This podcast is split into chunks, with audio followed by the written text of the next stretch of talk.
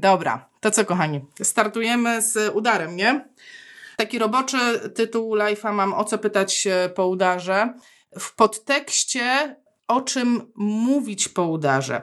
Czyli z jednej strony będę chciała to ugryźć tak jakby od strony pacjenta, o co pacjent czy o co opiekunowie pacjenta powinni się zapytać po udarze, a równocześnie ugryźć to od strony terapeuty czy w ogóle personelu medycznego, jakie informacje ci ludzie powinni dostać. No bo trzeba się uderzyć troszeczkę też e, w pierś, że no to nie jest tak, że wina leży po jednej stronie. No tak jest, że czasami się zdarza, że y, medycy nie do końca powiedzą o co chodzi i czasami się zdarza, że y, opiekunowie się nie zapytają, tak? I zaraz Wam powiem, co mnie się wydaje, dlaczego tak jest. I generalnie ten live dzisiaj, jeśli chodzi o udar, jest już trzecim live'em z serii Jak pomóc osobie po udarze. I jeżeli chcecie obejrzeć dwa poprzednie, one są na YouTubie, one są właśnie na tym kanale, e, o którym Wam mówiłam, czyli Joanna Tokarska Fizjopozytywnie. I to jest tak, że w pierwszym live'ie macie takie bazowe informacje, z którymi się wiąże udar, czyli jak pomóc e, osobie po udarze ogólnie ogarnąć się, czyli jakie ma prawa, do jakiego szpitala powinna pójść, jakie skierowanie powinna wziąć, co jest ważne z takich naprawdę kluczowych rzeczy. Potem drugi live był na ten temat i jak ugryźć e, opiekę nad taką osobą, w jaki sposób w ogóle rozumować e, e, jakby całą sytuację, w, którym się, w której się znaleźliśmy. A dzisiaj tak jakby pogłębiamy ten temat i ja coś czuję, że to też nie będzie koniec. Dzisiaj wchodzimy w to, no to o co się zapytać i co ja mam powiedzieć tej rodzinie, czy ja mam, co ja mam powiedzieć tym opiekunom w momencie, kiedy no mój pacjent zbiera się do wyjścia do domu. I muszę Wam powiedzieć, że takim motywatorem w ogóle do nakręcenia tego live'u był wczorajszy film. Mój mąż mówi, a wiesz co, taki e, film mam dla ciebie, akurat wiesz co, spodoba ci się, bo tam człowiek po udarze występuje. E, film się nazywa Jak pies z kotem i generalnie cała historia e, toczy się wokół tego, że główny bohater opiekuje się swoim bratem, który jest po udarze. No i tam są różne perypetie, ale tak jakby cały czas w tle jest pokazany ten, ten człowiek po udarze i z jednej strony jest pokazane tak jakby świat z perspektywy tego człowieka, a z drugiej strony jest pokazany świat z perspektywy opiekunów.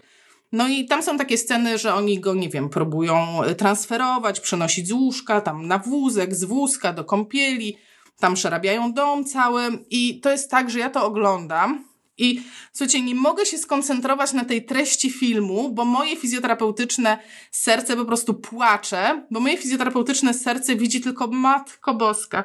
Przecież to, co oni robią, można zrobić łatwiej. Po co oni to robią? Dlaczego to robią tak? Przecież to się robi inaczej. I taką miałam konkluzję po tym filmie, zresztą pisałam o tym na story u siebie na Instagramie, że e, problem jest taki, że oni nie dostali żadnego instruktażu, po prostu ten człowiek zjechał do nich do domu, no i jakoś trzeba było się nim zająć. I takie mam wrażenie, i przynajmniej takie wiadomości dostawałam i od pacjentów, e, głównie od pacjentów, muszę powiedzieć, no, że to jest standard, tak? Że osoba jest wypisywana do domu. No i co? No i radźcie sobie. Dochodźcie do wszystkiego sami. I tak sobie myślę, tak poszukiwałam w głowie odpowiedzi, no ale dlaczego tak jest? I doszłam do wniosku, że tak jak w większości tak naprawdę nieporozumień w ludzkości, kwestia tkwi w komunikacji. Czyli mamy jakąś trudność w komunikacji. Czyli z jednej strony biały personel, ten personel medyczny, nie wiem, może nie ma wyrobionych standardów, może nie ma, e, nie wiem, nie ma takiej potrzeby, nie wiem, może e, zakłada, tak? Te założenia są e, problematyczne, tak? Zawsze założenia w głowie będą problematyczne i to z obu stron. Bo jeżeli personel biały zakłada, że rodzina sobie poradzi, no bo to nie jest trudne, no bo prawda jest taka, że dla mnie to nie jest trudne to może być, to może wymagać wysiłku, ale trudne nie jest. No bo wszystko łatwe, co umiemy. Ja potrafię się zająć osobą po udarze. I moje założenie jest takie, no jaki to kłopot, tam pyk, pyk, pyk już zrobione. Ale prawda jest taka, że dla osoby, która nie ma z tym doświadczenia, to może być jak najbardziej trudne, ponieważ po prostu nie umie tego robić. No i pojawiają się założenia z drugiej strony, właśnie ze strony opiekunów, takie założenia, a jakoś to będzie, no przecież inni sobie radzą, no co to, no co to tam, no będzie se siedział na wózeczku i będzie jakoś tam dobrze, jakoś to będzie, a nie patrzą na to, że to jakoś jest powiązane z być może z ryzykiem różnego rodzaju problemów dla tego pacjenta, chociażby jak odleżyny z niezmienianych pozycji. Spotkałam się też z takim twierdzeniem, że a co tam, jaki tam problem, no mamusia leży, mamusia leży, no to przyjdzie do domu, to będzie se leżeć, będzie se leżeć, tak? A jak fizjoterapeuta słyszy, że pacjent leżący, to od razu mamy w głowie, aha, dobra, odleżyny, tu, obroty, co dwie godziny, jaki materiał. Po prostu u nas to jest e, kłębowisko myśli w głowie na hasło pacjent leżący, bo mamy tą świadomość, ile problemów może mieć pacjent leżący, jeżeli on tylko leży. I e, dalej takie założenia, i to są założenia, nie wiem, no chyba tak najczęściej chyba ze strony opiekunów, że no przecież wszystko się należy, czyli przyjdzie pielęgniarka i zrobi wszystko, co jest e, takiego pielęgniarskiego opiekuńczego. Przyjdzie fizjoterapeuta i wyćwiczy, no i tyle. No, no to i jakoś tak będzie. I, e, i, I teraz, jeżeli są z nami osoby, które się zajmują osobami po udarze, czy sami pacjenci, no to możecie mi napisać, jak to jest z waszej perspektywy, jakie wy macie doświadczenia. E, a jak ja wam, jak ja mówię z perspektywy fizjoterapeuty, to dla nas to jest po prostu taki wręcz mind blow. Przecież wiadomo, że nie wystarczy, że ja przyjdę trzy razy w tygodniu. Dla nas to jest tak oczywiste po prostu jak to, że słońce wstanie jutro rano. A dla innych, dla osób niedoświadczonych, niezwiązanych z rehabilitacją, to jest po prostu nieoczywiste i tyle. Więc ten problem nie jest w mojej ocenie, nie wiem, e, ze złośliwości, z braku, nie wiem, z braku chęci, tylko problem bardzo często wynika z tego, że nie ma tej komunikacji i nie ma tej wiedzy rzetelnie podanej. No i teraz pytanie, jak ugryźć ten problem, tak? No to jeżeli już wiemy, że jakiś tam problem z komunikacją jest, no to trzeba sobie zadać pytanie, no to co ja mogę z tym zrobić, tak? Jaką mam przyjąć strategię i ze strony pacjenta, i ze strony białego personelu, tak? E, ja będę mówiła troszeczkę, tak jakby będę kierowała swoje słowa troszkę do pacjentów, bo... Mm, Uważam, że najlepsze, co mogą zrobić, najlepsze, co mogą zrobić opiekunowie takich osób, to jest wziąć trochę odpowiedzialności w swoje ręce i nawet jeżeli ktoś nie podaje tej informacji, to drążyć. Bo y, nie spotkałam się w całej swojej karierze, a jestem od 2000 roku w zawodzie, czyli już 20 lat, nie spotkałam się z sytuacją, żeby przyszedł pacjent albo przyszedł opiekun i powiedział, wie pani co, bardzo bym chciał przesadzać mamę e, ze stołka, tam z, z łóżka na e, fotel czy na wózek. I żeby ktoś z byłego personelu powiedział, nie, ja panu tego nie pokażę. Po prostu ja nie spotkałam się z taką sytuacją. A bardzo często spotkałam się z sytuacją dla odmiany, to proszę przyjść, pokażemy jak obsługiwać tam mamę czy tatę i osoba nie jest zainteresowana. Także napiszcie mi, jak to jest, jak to jest u Was, jak Wy to widzicie. Więc z perspektywy osoby, która się opiekuje, tak? Czyli wiesz o tym, że tam, nie wiem, e, tata, mama, ktokolwiek krewny, znajomy jest e, w szpitalu i wiesz, że za jakiś czas trzeba będzie go odebrać. Pierwszą rzeczą, której trzeba się dowiedzieć, pierwszą rzeczą, której trzeba się dowiedzieć, jest odpowiedź na pytanie, co to jest za pacjent. I specjalnie używam takiego słowa, co to jest za pacjent, dlatego że dla osoby, która się opiekuje, to jest, mm, to jest tata, to jest mama, to jest e, osoba, z którą wiąże się jakiś ładunek emocjonalny, jakieś wspomnienia. W związku z tym intuicyjnie zakładamy, no, że to jakoś tak będzie, no tak jak było. A dla odmiany dla fizjoterapeuty, ta osoba to jest osoba, która przedstawia jakiś stan funkcjonalny. My oceniamy pacjentów poprzez to, co potrafią zrobić samodzielnie i w jaki sposób potrafią się poruszać, w jaki sposób potrafią wykorzystać swoje ciało na co dzień. W związku z tym, jakby te dwa obrazy mogą się kompletnie rozjeżdżać.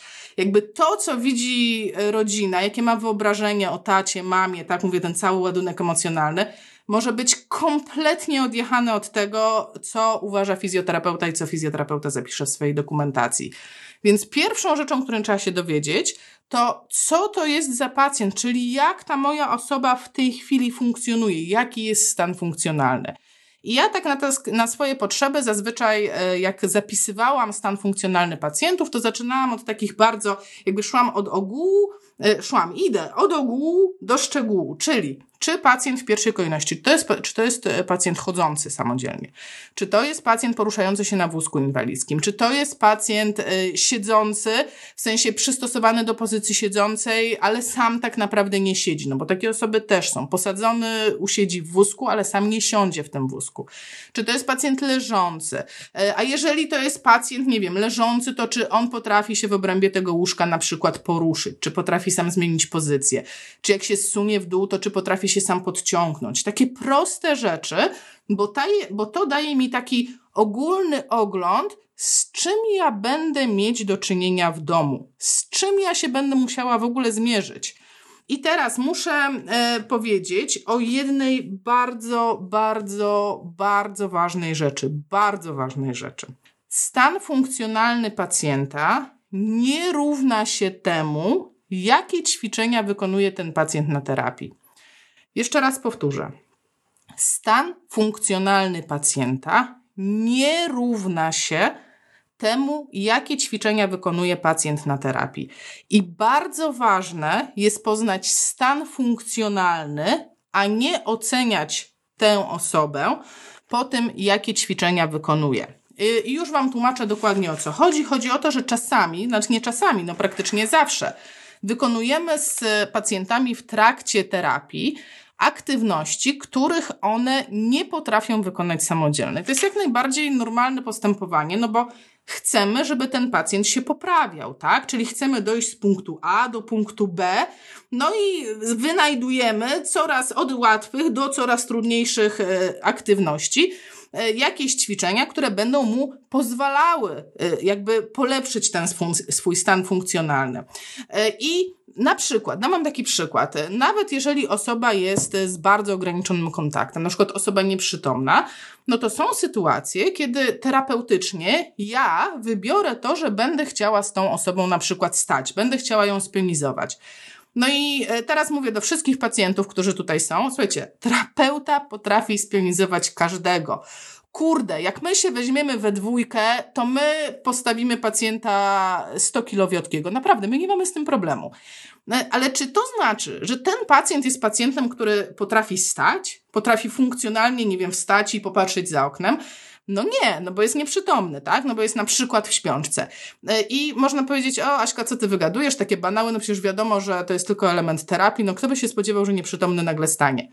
Ale zobaczcie w drugą stronę. Jak często zdarza się sytuacja, że ktoś widzi, że na przykład na korytarzu chodzimy z pacjentem i nie dostrzega tego, że jest to terapia, że jest to ćwiczenie, czyli ja trzymam tego pacjenta, przesuwam mu nogę, stabilizuję kolano, że jak ja sobie pójdę, to on gruchnie w przeciągu 30 sekund, ale ponieważ zobaczyłem, że chodzi, no to znaczy, że on na pewno chodzi.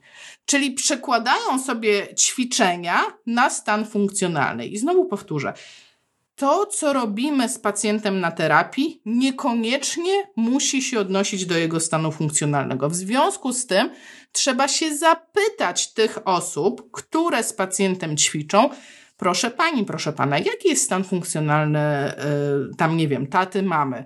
Y, co więcej, my mamy obowiązek wypełniania dokumentacji medycznej, więc tak naprawdę my ten stan funkcjonalny powinniśmy mieć zapisany w karcie i y, przynajmniej tam, gdzie ja pracowałam w szpitalu, no to tak było, że za każdym razem, jak pacjent wychodził, to on wychodził z opisem, z dwoma opisami tak naprawdę, bo on miał stan funkcjonalny, w którym przyszedł i stan funkcjonalny, z którym wyszedł, żeby tak jakby czarno na białym było, że w dniu przyjęcia pacjent leżący samodzielnie nie zmienia pozycji w obrębie łóżka, e, posadzony, wytrzymuje tam, nie wiem, trzy minuty, potem ma zawroty głowy. Dziękuję. A przy wyjściu pacjent poruszający się przy pomocy tam, nie wiem, e, laski na krótkich dystansach potrafi chodzić bez pomocy ortopedycznych.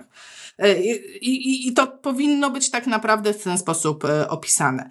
E, I, i generalnie jest tak, że chcemy wiedzieć, co ta osoba tak naprawdę w sposób bezpieczny może wykonywać sama. Więc e, jeżeli będziecie się pytać, jaki jest stan funkcjonalny tam taty, mamy, no to pierwsze to chcecie wiedzieć, e, co to jest za pacjent, co to jest, e, jakby co to jest za osoba klinicznie. I teraz też mi się zdarzały takie sytuacje, czy takie podejście, że no przecież ja nie jestem medykiem, ja się na tym nie znam, dlaczego, dlaczego chcecie, żebym się zagłębiał w ogóle w jakieś takie kwestie, co ja ich w ogóle nie rozumiem, ja, ja się proszę pani nie znam na tym udarze. No tak, ale na przykład, gdyby twoje dziecko, tfu, tfu, stało się z dnia na dzień cukrzykiem, a tak się dzieje, tak? Cukrzyca jest po prostu wykrywana u niektórych, ta pierwotna typu pierwszego i nagle jest cukrzykiem. No to czy następnego dnia podasz mu batony i nie podasz insuliny, bo nie umiesz? No nie. W trybie przyspieszonym nauczysz się robić zastrzyki, nauczysz się robić pomiary, nauczysz się wyliczać tam jednostki, które tam trzeba wyliczać. Generalnie to będzie moment, kiedy ze zwykłego rodzica, ze zwykłego człowieka staniesz się po części y, osobą obeznaną w medycynie. I dokładnie to samo powinno się stać w momencie, kiedy bliska osoba miała udar, czy miała tak naprawdę no, jakiekolwiek inne uszkodzenie mózgu. Mnie jest po prostu najłatwiej mówić y, o udarze. Różnica jest taka pomiędzy tymi dwoma sytuacjami, że niezwykle łatwo znaleźć instruktaż, jak ogarniać, nie wiem, cukrzycę, a dość trudno znaleźć instruktaż, w jaki sposób tak mądrze opiekować się osobą po udarze. I to jest też przyczyna, dla których ja w ogóle robię te, e, robię te live'y już Wam powiedziałam, że Jedną, e, jednym z takich źródeł będą te dwa pierwsze live'y, które już zrobiłam e, i od, od, troszeczkę Was odsyłam do nich i w ogóle odsyłam Was na mój kanał, bo tam jest już troszeczkę takich materiałów właśnie jak ogarniać osobę po udarze. No i wracamy do meritum. Ja sobie podzieliłam te stany kliniczne, tak no powiedzmy, te stany funkcjonalne na takie trzy główne trzy główne tak jakby dziedziny, że będzie to osoba leżąca, osoba siedząca albo osoba chodząca, bo tak naprawdę można e, jakby e, wrzucić każdego pacjenta, w cudzysłowie właśnie w taki worek, albo że głównie to jest osoba leżąca, głównie to jest osoba siedząca, czyli poruszająca się na wózku i głównie jest to osoba poruszająca się na dwóch nogach, czyli osoba chodząca. I też jest niestety, znaczy no niestety, to, to jakby naturalne zjawisko, że te osoby, te stany funkcjonalne przenikają się, więc na przykład pacjent leżący może być takim pacjentem, że e, on jest sadzany, ale jednak większość czasu leży. Ale terapeutycznie sadzamy go, dbamy o to, żeby na przykład posiłki zjadał na siedząco, więc jest takim półleżącym, półsiedzącym, ale jednak więcej leżącym. Co więcej, pacjent leżący może terapeutycznie być pacjentem, który w terapii chodzi, tak? Czyli e, terapeuta jest w stanie tak go zabezpieczyć, tak mu pomóc, że on zrobi kilka kroków. Tylko dla mnie nie jest to chodzenie. Do chodzenia jeszcze dojdę i dojdę do kryteriów, wedle jakich dla mnie pacjent jest pacjentem chodzącym. Więc mamy pacjenta leżącego, który tak jakby przenika się z pacjentem siedzącym, no bo kto to jest siedzący? Siedzący to jest taki, który sobie siedzi czy na fotelu, na wózku inwalidzkim, większość czasu spędza w siedzeniu, e, no i będzie też ten pacjent chodzący.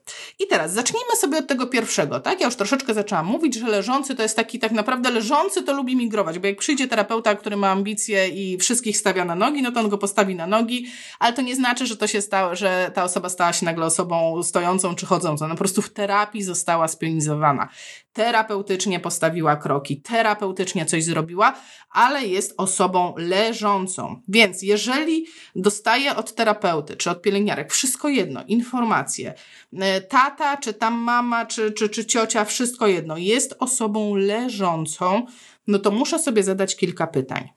Jak ma leżeć, tak? Pierwsza zasadnicza rzecz.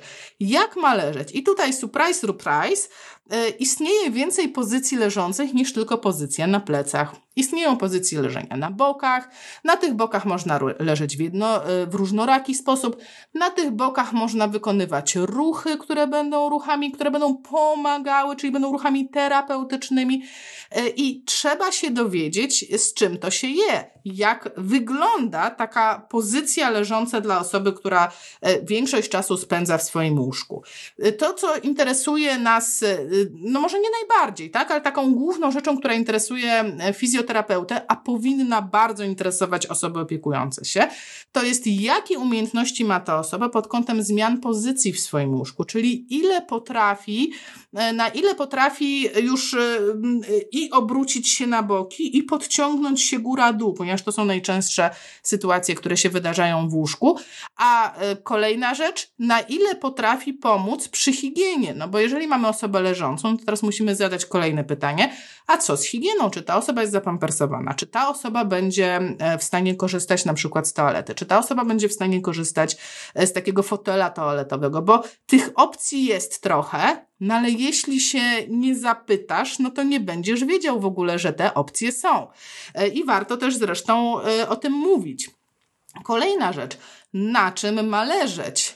Czy ma być specjalne łóżko, czy ma być łóżko szpitalne, czy ma być łóżko normalne domowe, a na tym łóżku co ma być? Czy tam ma być normalny materac, czy tam ma być jakiś super druper dmuchany materac? I od razu chciałam powiedzieć, bo wiem, że jestem przekonana, że będą to oglądali pacjenci, będą to oglądały rodziny e, pacjentów. Zdania co do użycia pompowanych materaców są bardzo mocno podzielone w świecie fizjoterapii. I ja na przykład jestem team nie dmuchańce. Ja nie lubię dmuchanych materacy, no jak pacjenci je mają, no to je mają, no cóż zrobić. Ale generalnie uważam, że dużo lepszą funkcją jest normalny, gruby, taki gąbkowy materac e, i on też nie będzie powodował odleżeń. Zresztą są materace antyodleżynowe, które nie są dmuchane. No ale to jestem ja, tak? Ja mogę dyskutować o tym, mogę mieć jakieś argumenty, zawsze warto zasięgnąć kilku po, yy, opinii, tak? Przecież ten terapeuta, z którym się rozmawia, nie musi być, nie musi być wyrocznią, tak? Po to jest ich kilku, po to można zadawać pytania online, po to można umawiać umawiać się na konsultacje online, po to można szukać innego e, terapeuty, żeby wybrać najlepszą opcję dla siebie. Nie ma tak, że po prostu, że nagle wszyscy będą zgodni, że tak, tylko jeden model materaca będzie najlepszy. Mm, oprócz tego materaca muszę się zastanowić, e, dobra, no to co w tym łóżku jeszcze musi być oprócz materaca? I znowu, ja na przykład jestem team poduszki, czyli poduszek, full poduszek, ma być dużo poduszek, bo mam mieć możliwość pozycjonowania tymi poduszkami, czyli mam mieć możliwość układania tego pacjenta tak, żeby jemu się, e, żeby najlepiej regulował swoje napięcie e, jak potrafi. Jeszcze odkąd, e, odkąd brałam udział w kursie terapii bazalnej, no to już w ogóle, to jeszcze oprócz poduszek, no to jeszcze kocyki, jeszcze zwinięte materace, podkładki, wszystko, po prostu wszystko najlepiej, żeby w tym łóżku było. Może nie tyle, żeby cały czas było z tym pacjentem, ale żeby była dostępność tego. Nawet nie macie pojęcia, jak często chcielibyśmy coś zrobić, a po prostu fizycznie nie mam z czego ukręcić tego wałka, nie mam czego podłożyć pod tą rękę, pod tą nogę, e, bo trzeba e, jakby zrobić takie założenie, że nawet pacjent, który jest pacjentem leżącym, no to tak naprawdę my chcemy, żeby on jak najszybciej stał się pacjentem siedzącym. A w perspektywie, no to zawsze praktycznie zakładamy, no, że będzie się poprawiał, tak? Takie jest założenie, nie? Jakby abstrahując od szans, od, od, od, od perspektyw, bo to każdy przypadek jest inny. No ale tak jak mam generalnie założyć sobie jakąś, jakiś plan terapii, no to zakładam, że jednak mój pacjent będzie się polepszał, tak? W związku z tym muszę zadbać o to, żeby on miał się, że tak powiem, z czego polepszać. I dam Wam taki przykład, taki bardzo po prostu, e, bardzo widoczny przykład e, przykurczów, tak po prostu. Jeżeli przez większość czasu układam mojego pacjenta tak, że jest e, podniesiona, podniesiony tuch, bo tak się układa pacjentów, tak, bo łóżko jest podjeżdża do góry, no ale jeżeli w takiej pozycji zostaje człowiek, to on bardzo szybko zjeżdża w dół na łóżku. W związku z tym podgina się materac w ten sposób. No i teraz już nie zjeżdża. I teraz już jest super, super wygodna pozycja, w ogóle ekstra, nic nie trzeba robić. Tylko problem jest taki, że jak potem przychodzi terapeuta, załóżmy po miesiącu, po trzech miesiącach, po roku, a my naprawdę trafiamy po różnych okresach czasu, to okazuje się, że fizycznie nie ma zakresu ruchu większego niż to, i w związku z tym nie ma jak wstać z tym pacjentem. I nie dlatego, że on nie ma siły, nie dlatego, że terapeuta nie ma mm, umiejętności, nie dlatego, że nie ma perspektyw, tylko dlatego, że wyhodowane są przykurcze. A akurat y, taka profilaktyka przeciwko przykurczom nie jest jakoś szczególnie skomplikowaną rzeczą, bo to mm, wystarczy po prostu przez, nie wiem, pół godziny dziennie utrzymać y, jakąś pozycję, tą, której nie chcemy utracić. Naprawdę nie są, nie są jakieś strasznie skomplikowane rzeczy, a w szczególności, w szczególności tyczy się to stóp. To jest, słuchajcie, dramat, jak trafiają pacjenci, którzy byli, e, którzy długo leżeli, a mają perspektywę na to, żeby ich pionizować, albo trafiają do superośrodka. E, my tak czasami mieliśmy w Konstancinie, że przyjeżdżał pacjent i my naprawdę mieliśmy sprzęt, żeby tam cuda robić, żeby go stawiać, ale nogi były tak powykręcane właśnie pod kątem przykurczów, że my nie byliśmy w stanie tego zrobić. Tak po prostu nie byliśmy w stanie wypełnić tych przestrzeni, które, e, na których miałby ten, ten pacjent stanąć. Po prostu nie miał sprawnych nóg. I chciałam wam powiedzieć, ja sobie taką kartkę zapisałam, że e, ruchomość jest ważniejsza niż siła, e, bo, no bo tak, wypracowanie siły nie jest procesem jakimś szczególnie trudnym. W sensie, no, serii powtórzenia. Robisz coś, robisz coś, robisz coś. Ale jeśli w ogóle nie masz dostępności tego ruchu, no to co masz wzmacniać? Nie masz po prostu, samego ruchu nie ma. A skąd się to bierze? No z tego, że ten pacjent, nie wiem, raz dziennie nie, nie został, ktoś nie wziął pilota, nie zrobił dzz, nie rozprostował go na, na wprost i po prostu nie, nie, nie, nie poleżał sobie na płasko, czy e, nie posiedział sobie z nogami opartymi o ziemię po to, żeby zachować zakres e, w stawach skokowych. To naprawdę nie są jakieś e, trudne rzeczy. Z tym, że każdego pacjenta tak naprawdę indywidualnie trzeba traktować, dlatego trzeba, właśnie dlatego ta potrzebna jest ta gadka z fizjoterapeutą w momencie e, już, kiedy zbliża się termin wyjścia. I to nie jest moment e, dnia wyjścia na taką rozmowę. To nie jest moment na to, bo to już jest wtedy po grzybach, bo wtedy już nie ma z czego rzeźbić. Bo co z tego, że ostatniego dnia ktoś z rodziny przyjdzie i zapyta się, no to co ja mam teraz robić z tym, e, z tym tatą, z tą mamą?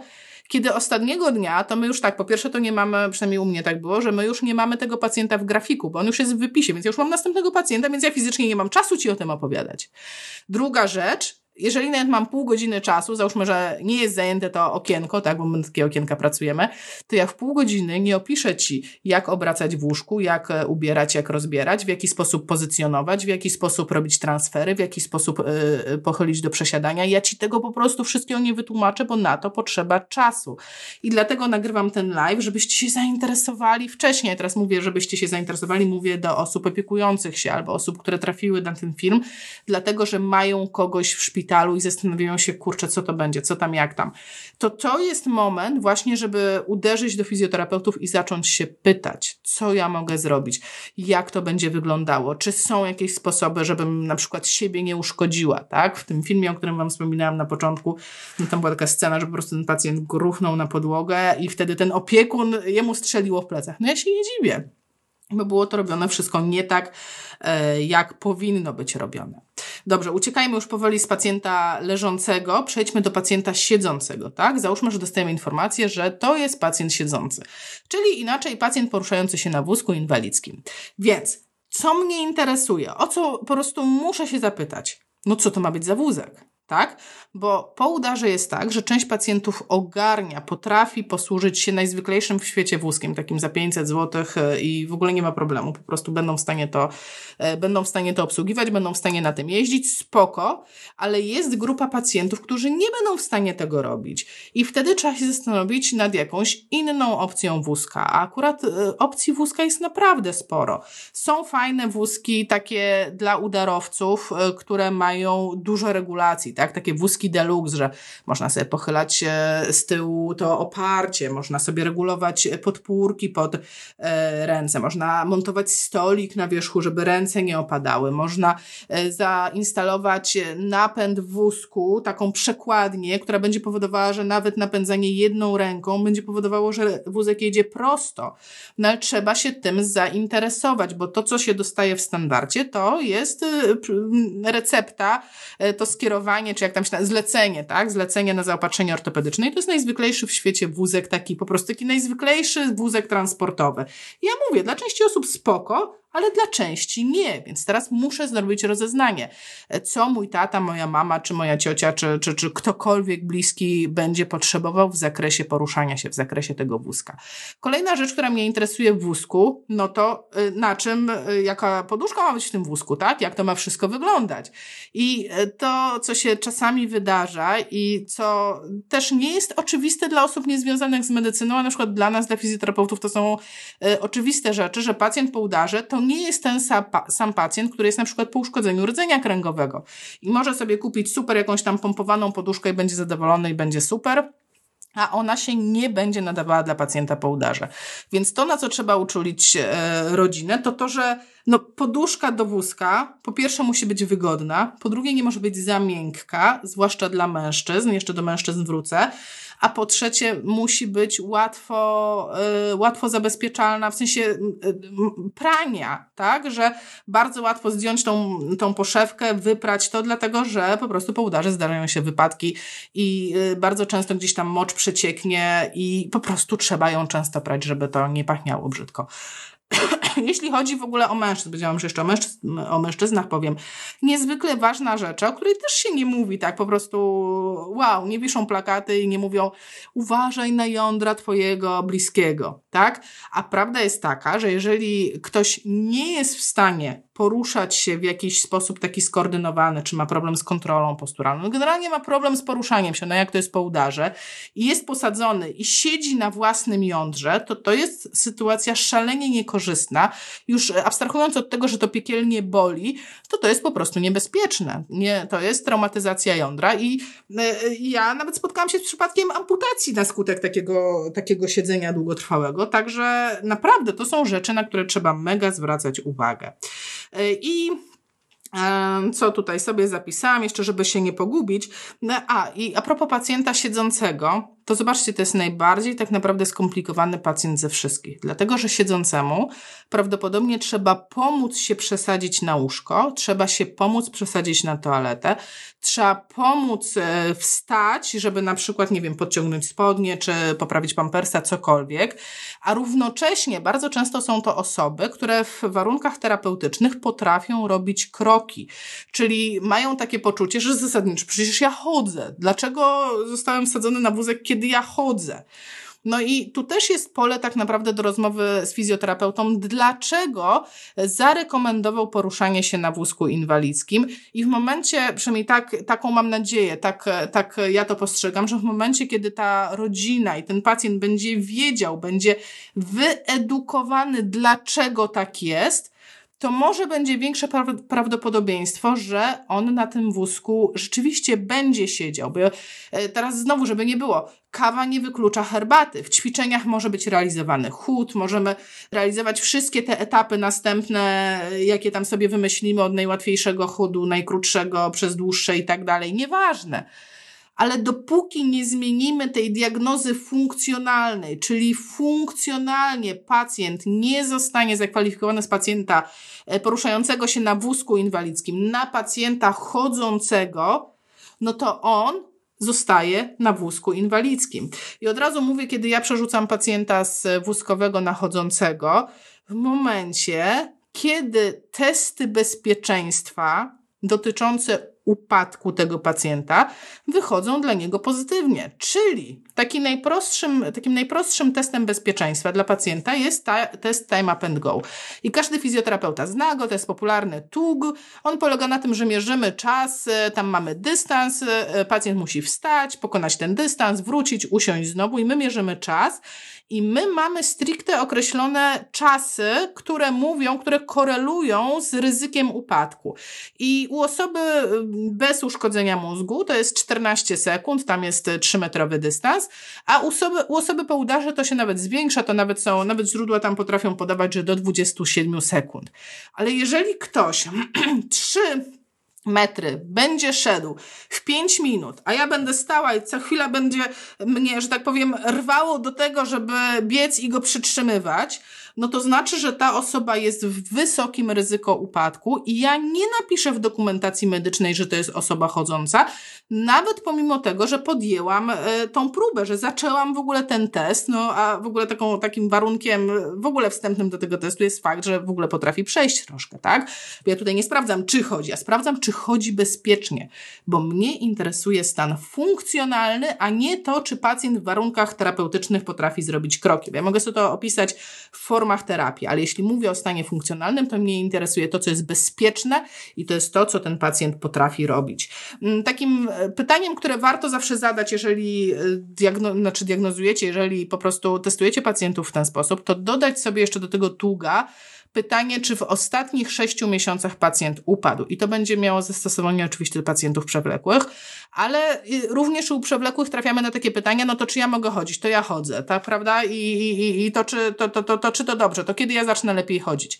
Więc jeżeli wypada w tugu na pograniczu, ale odpowiedział mi na pytanie, że w ciągu ostatnich sześciu miesięcy upadł, to dla mnie wciąż jest w wysokim ryzyko upadków.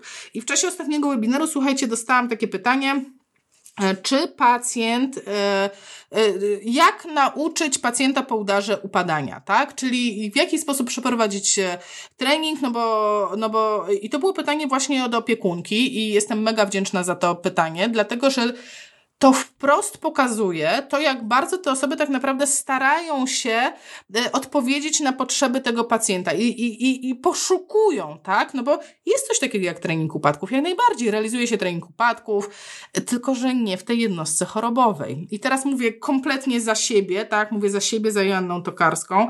Ja uważam, że prowadzenie treningu upadków z pacjentami po udarze nie powinno być standardem postępowania rehabilitacyjnego. To jest moje personalne zdanie. Wiąże się to z tym, że średnia wieku pacjentów po udarze jest raczej powyżej 70 roku życia i wiąże się to również ze zwiększoną, e, ze zwiększonym prawdopodobieństwem występowania osteoporozy, czyli zwiększonym ryzykiem złamań.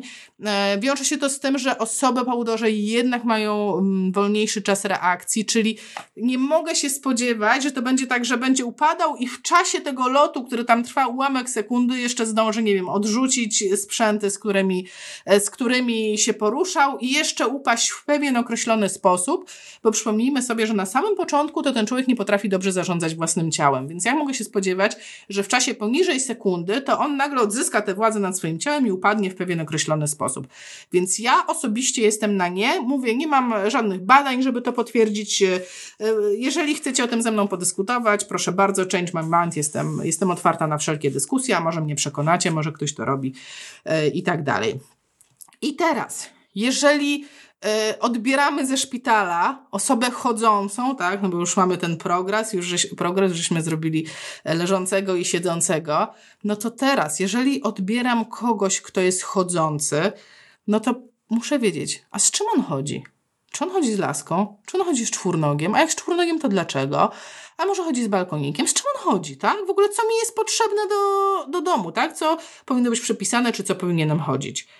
Drugie pytanie, a w czym on chodzi? Czy są jakieś buty, które powinien nosić, a czy są jakieś buty, których nie powinien nosić? Czy powinien chodzić na płaskiej podeszwie, czy wręcz przeciwnie, powinien mieć lekki obcas?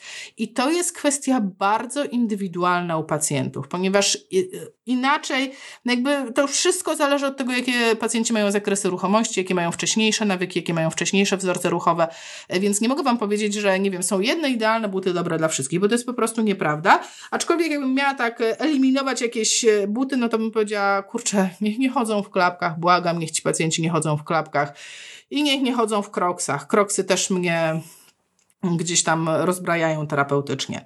Y, kolejna rzecz, tak? No bo z czym ma chodzić, w czym ma chodzić, po czym ma chodzić? Czy ja muszę zmienić coś w moim domu, żeby mój bliski był bardziej bezpieczny? Może muszę zwinąć dywany. Może, może muszę e, wyrównać progi. Może on nie będzie w stanie progów pokonać. Może muszę zadbać o to, żeby zlikwidować brodzik w łazience i żeby zrobić łazienkę na równo.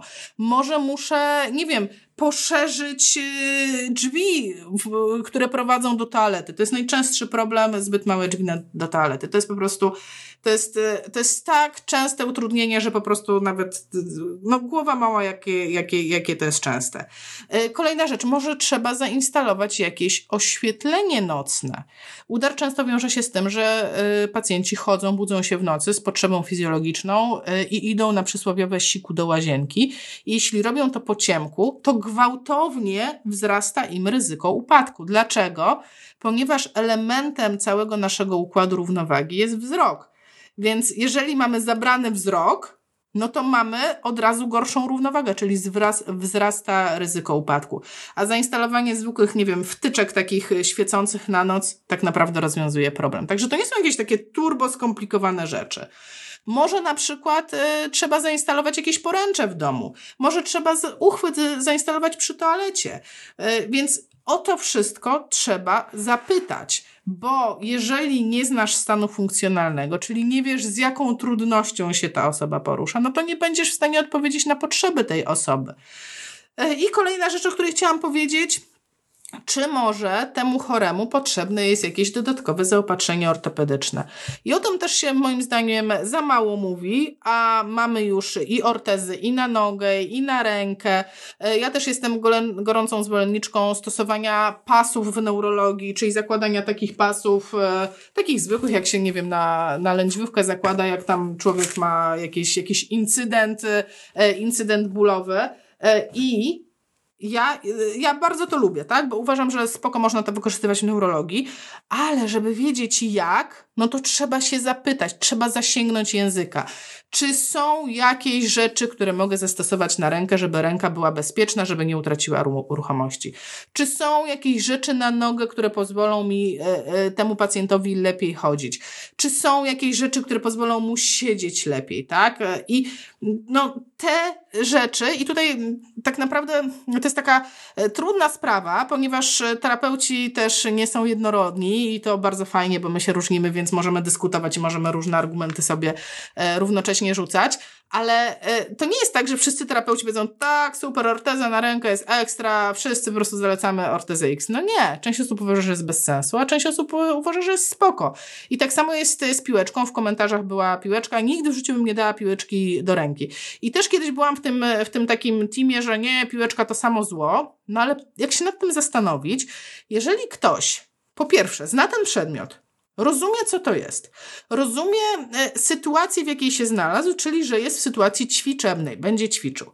Do tego ma spełnione warunki, że ta ręka porusza się tak naprawdę. Więc ma kontrolę, nie ryzykuje tego, że weźmie piłeczkę w rękę i ta ręka się zaciśnie, no bo tego się boimy, tak? Nie chcemy stosować piłeczki jako przyrządu do redresji, do utrzymywania ruchomości. Tutaj w ogóle absolutnie no, no, no, no, no, żadnych piłeczek, a brońcie Boże, Panie Boże, kolczystych. Po prostu nie, tego, tego nie robimy. Ale jeżeli, i to znowu jest kwestia indywidualna, jeżeli trafi do pacjenta, który ma względnie sprawną dłoń i chciałby sobie ściskać w ramach ćwiczeń, a zasadniczo czemu nie? Dlaczego miałby tego nie robić? Jeżeli to nie powoduje e, żadnych problemów, a powoduje e, wzmocnienie ręki, nie wiem, większą kontrolę ręki, a niech ściska, tak? Więc to wszystko jest kwestia indywidualna, ale o to wszystko trzeba się zapytać, o tym wszystkim trzeba porozmawiać, bo to jest też zmora terapeutów, kiedy przychodzimy do pracy, a pacjent, nie wiem, opiłeczkowany albo tam trzyma jakieś, nie wiem, kurczaka takiego, co się pieskom rzuca, żeby tam aportowało i trzyma to w ręku. No bo fajne było, fajnie wyglądało e, w sklepie, a, a niekoniecznie może było fajnie, fajne dla tego, e, dla tego pacjenta.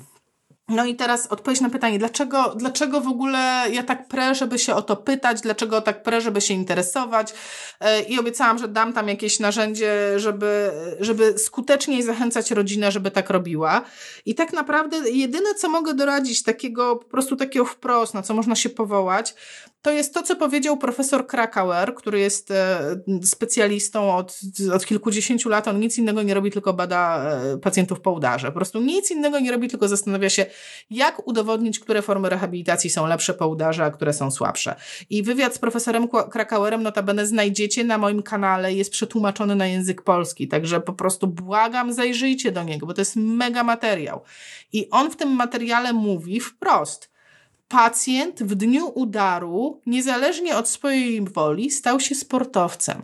Czyli niezależnie czy chce, czy nie chce, to on do końca życia powinien już pozostawać w treningu, bo inaczej będzie się pogarszał. Bo tak działa neuroplastyczność, czyli nasze neurony y, ustanawiają połączenia w stosunku do tych rzeczy, które robimy często, a rozłączają połączenia do tych rzeczy, których nie robimy. I są, są nawet takie jakieś przysłowa, what you don't, you, you don't use it, you lose it. Po polsku też mieliśmy coś takiego, że, e, że, że czego nie używasz, to tracisz. A, narząd nieużywany zanika, to po polsku, tak? Takie przełożenie. Ja bym powiedziała, funkcja nieużywana zanika. No bo jeżeli czegoś nie używam, no to tracę połączenia w mózgu na ten temat. Więc jeżeli e, przyjeżdża do domu osoba po udarze, która z definicji pierwotnie ma problem z połączeniami w mózgu, których po prostu ma za mało, tak, no bo to spowodował udar, zabrał kawałek mózgu i teraz my chcemy stworzyć te połączenia, to one stworzą się w stosunku do tych czynności, które powtarzamy najczęściej. I źródła podają, że tak od 300 do 800 powtórzeń to jest optymalna liczba, żeby e, tak jakby stworzyć zmiany neuroplastyczne w kierunku jakiegoś ruchu.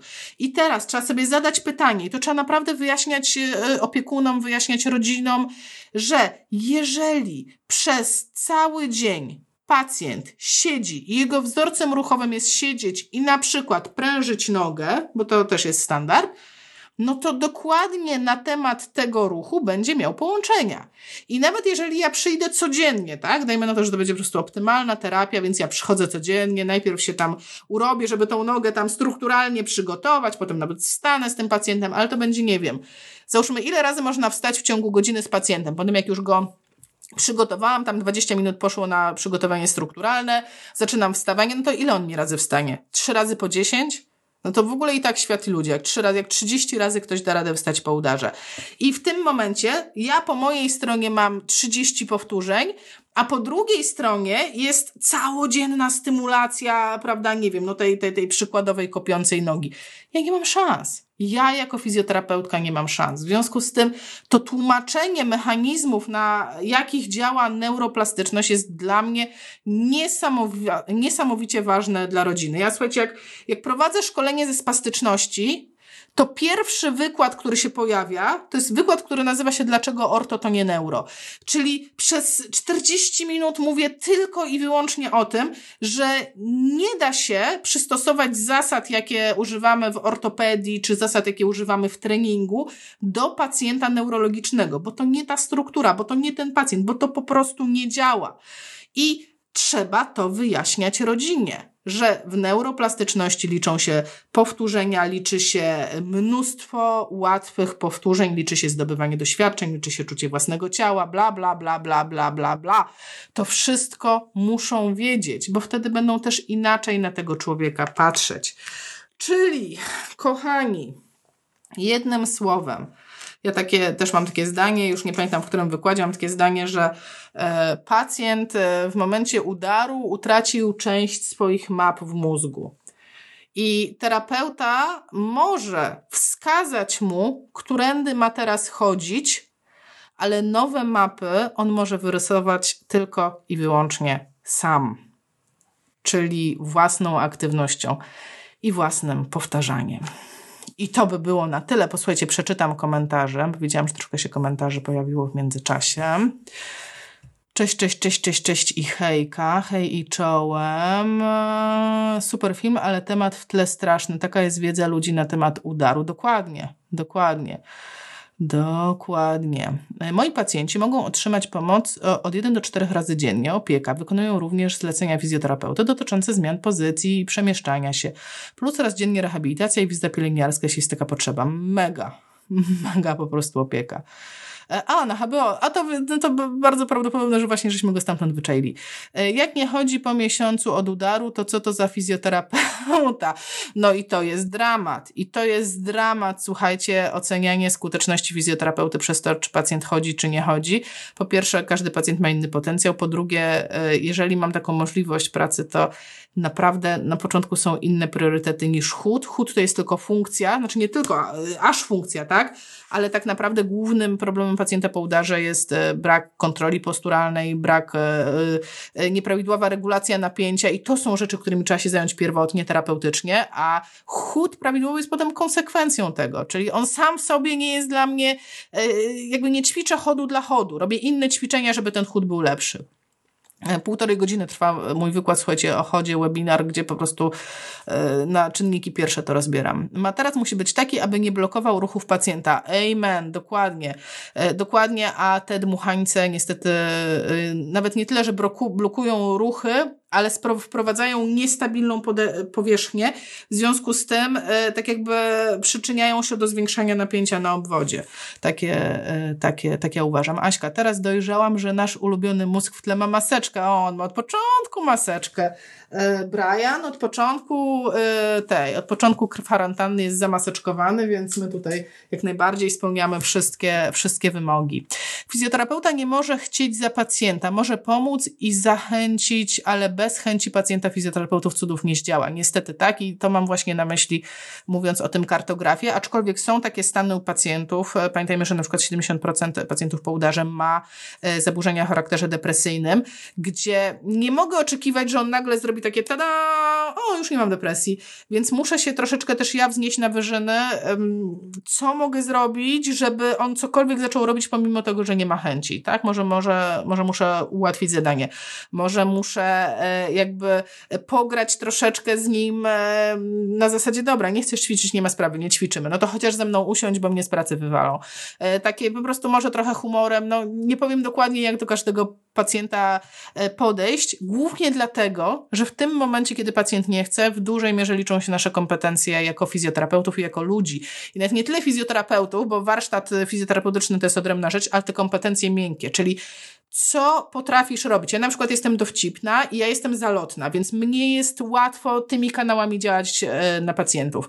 E, I zarówno na kobiety, i na mężczyzn, bo to nie jest ta zalotność taka, od razu wyjaśniam, romantyczna, tak? Ja po prostu mam tą taką, mam, mam, te, mam to coś w aparycji, e, że ze mną się miło przebywa. I ja z tego korzystam. I jest to moja cecha, jestem świadoma tej cechy i każdy z nas ma jakieś swoje cechy, które pomogą nam dotrzeć do pacjenta. I teraz trzeba wyczaić, co to są za cechy, i świadomie się nimi posługiwać. Uczciwie, świadomie po prostu korzystać z tego, co mamy. Każdy z nas coś dostał, e, że tak powiem, e, z nieba.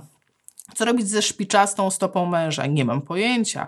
Chodzi na palcach i boli go. Nie wiem, nie znam męża, więc nie powiem, co robić, tak? To jest właśnie to, e, że e, nie da się udzielić porady przez internet bez badania pacjenta i co więcej, jest to niestety błąd w sztuce, tak? To jest niezgodne z prawem, bym nawet powiedziała, bo żebym udzieliła rzetelnej porady, ja muszę go zbadać, muszę założyć dokumentację medyczną, e, wydać te zalecenia, no. Dokładnie, technicznie nie do wykonania instruktaż pół godziny. No tak, tak, ostatni dzień to to um, o, pani Anna, Chyba sobie, drodzy terapeuci, nie zdajecie sprawy, jak trudno jest nam, rodzicom, wymusić cokolwiek na jakichkolwiek chorych zmotywować. Wiem, w większości oni nie chcą z nami ćwiczyć, nie znoszą jakiejkolwiek naszej presji. Jedyna terapia ręki, jaką mogę uskutecznić z synem, to gra w szachy. Ponadto każdy z terapeutów daje swoje wskazówki. Na początku, jak jeszcze dało się razem ćwiczyć, nie mieliśmy na nic czasu. A przypomniałam, że jedzenie czy toaleta u osób po urazie przy udarze trwa 3-4 razy dłużej. Problem psychologicznej otoczki, rehabilitacji i właściwej współpracy pracy rodzin terapeutów moim zdaniem po prostu leży. Tak, ja się zgadzam w stu procentach i dlatego uważam, że nawet nie jest zadaniem rodzicy, rodziny prowadzenie fizjoterapii jako, jako takiej, ale na przykład dostosowanie właśnie tych takich czynności, które wykonujemy przy okazji, znaczy no nie przy okazji, po prostu je wykonujemy, czyli higiena, czyli karmienie, czyli wpływ na to, w jaki mamy chociażby sprzęty, na czym siada ten mój e, krewny, e, na czym śpi, tak? To są rzeczy, których e, zdecydowanie mam moc decyzyjną. I na przykład tak, ja prowadziłam swoje własne dziecko, czyli terapeuci mówili mi, co trzeba z nim robić, a ja te czynności wplatałam w dzień, że tak powiem, czyli nie terapiowałam go jako terapeutka. I to jest, no to jest, ja, no, ja rozumiem, rozumiem, co pani pisze i przychylam się do tego i jak najbardziej wiadomo, że jak terapeuta przyjdzie, no to te ćwiczenia są inne i daj Boże, żeby tak było, bo przecież po to jesteśmy, ale po to też jesteśmy, żeby tak przedyskutować, co można robić w obrębie domu i co można robić w obrębie czynności dnia codziennego, żeby te czynności pomagały pacjentowi, a nie szkodziły, czyli żeby powielał sobie te dobre wzorce. Pół godziny nie może stać i chodzić. No to znowu, to jest ta sama, ta sama. No nie wiem, nie znam męża, nie wypowiem się. E, lepiej zrobić jedno ćwiczenie, ale codziennie niż 10 razy dokładnie. A to powinien szpital się zająć, co pacjent potrzebuje. W czasie pandemii to już w ogóle. No w czasie pandemii jest ogromny problem, dlatego prowadzimy live, dlatego prowadzimy konsultacje online. Niestety jest to bardzo duży problem e, i niestety e, rządzący zdają się w ogóle nie zauważać tego, tak? A zaczekają, chorzy zaczekają, spoko. E, jestem w stanie wyobrazić sobie, ponieważ rodziny często się skarżą na to. Uważam, że osoba, osobie obcej terapeucie pacjent nie ma śmiałości odmówić. Dokładnie. Hmm, czy ćwiczenia wsparcznej ręki w ciepłej wodzie przy zanurzeniu czucia głębokiego mają sens? To zależy, jaki pacjent, jakie czucie głębokie, jaka woda. Zależy. Może tak, u jednego tak, u drugiego nie. E, no właśnie, stany depresyjne, zdecydowanie. Czy robicie mikropolaryzację po udarze? No ja na pewno nie. ja, ja jestem ja, Joanna Tokarska, tak? Ja nie, nie, nie, nie pracuję w żadnym szpitalu, więc, więc, więc no nie. Dokładnie, mam pacjenta w wysokim ryzyku upadku od 10 lat, mimo że tra, potrafi z balkonikiem przejść e, wokół stadionu, cały czas walczy. Jest wciąż jeszcze pacjentem na wózku. Od pół roku dzięki Asi ćwiczę z synem od nowa. Dziękuję Asiu. Mua, cieszę się neuropsycholog i fizjoterapeuta na jednej sesji to skarb. Zgadzam się, zgadzam się. Słuchajcie, Joanna, wspaniałe podsumowanie tematu odnośnie map. Mam nadzieję, że rodziny oglądają tego live'a, oglądają, bo widzę, bo całkiem inaczej patrzymy my fizjo, inaczej osoby związane z tematem. Dokładnie. Słuchajcie, kochani, bardzo Wam dziękuję. Wytrzymaliście ze mną ponad godzinę. E, jest mi niezmiernie miło. Live oczywiście trafi na YouTube'a. Myślę, że jutro go tam wrzucę. Jeżeli widzicie, że on ma wartość dla pacjentów, czy wartość dla innych terapeutów, udostępnijcie go proszę, bo to jest wartość. Mnie Facebook nie pomaga. Mnie Facebook wszystko stopuje, co, e, co ja sobie zrobię, to on mówi, nie, nie, Tokarska, nie upublicznimy tego, więc wy mi pomóżcie, e, bo to jest wiedza, którą uważam naprawdę, ja nie wiem, jakieś plakaty powinny być, filmy instruktażowe, generalnie, żeby wiedzieć, hej, jak się gada z medykami? Hej, dacie radę, my wam pomożemy. I właśnie po to był ten live. Ściskam serdecznie. W poniedziałek trzydniówka przyszły, czyli w przyszły poniedziałek nie ma live'u.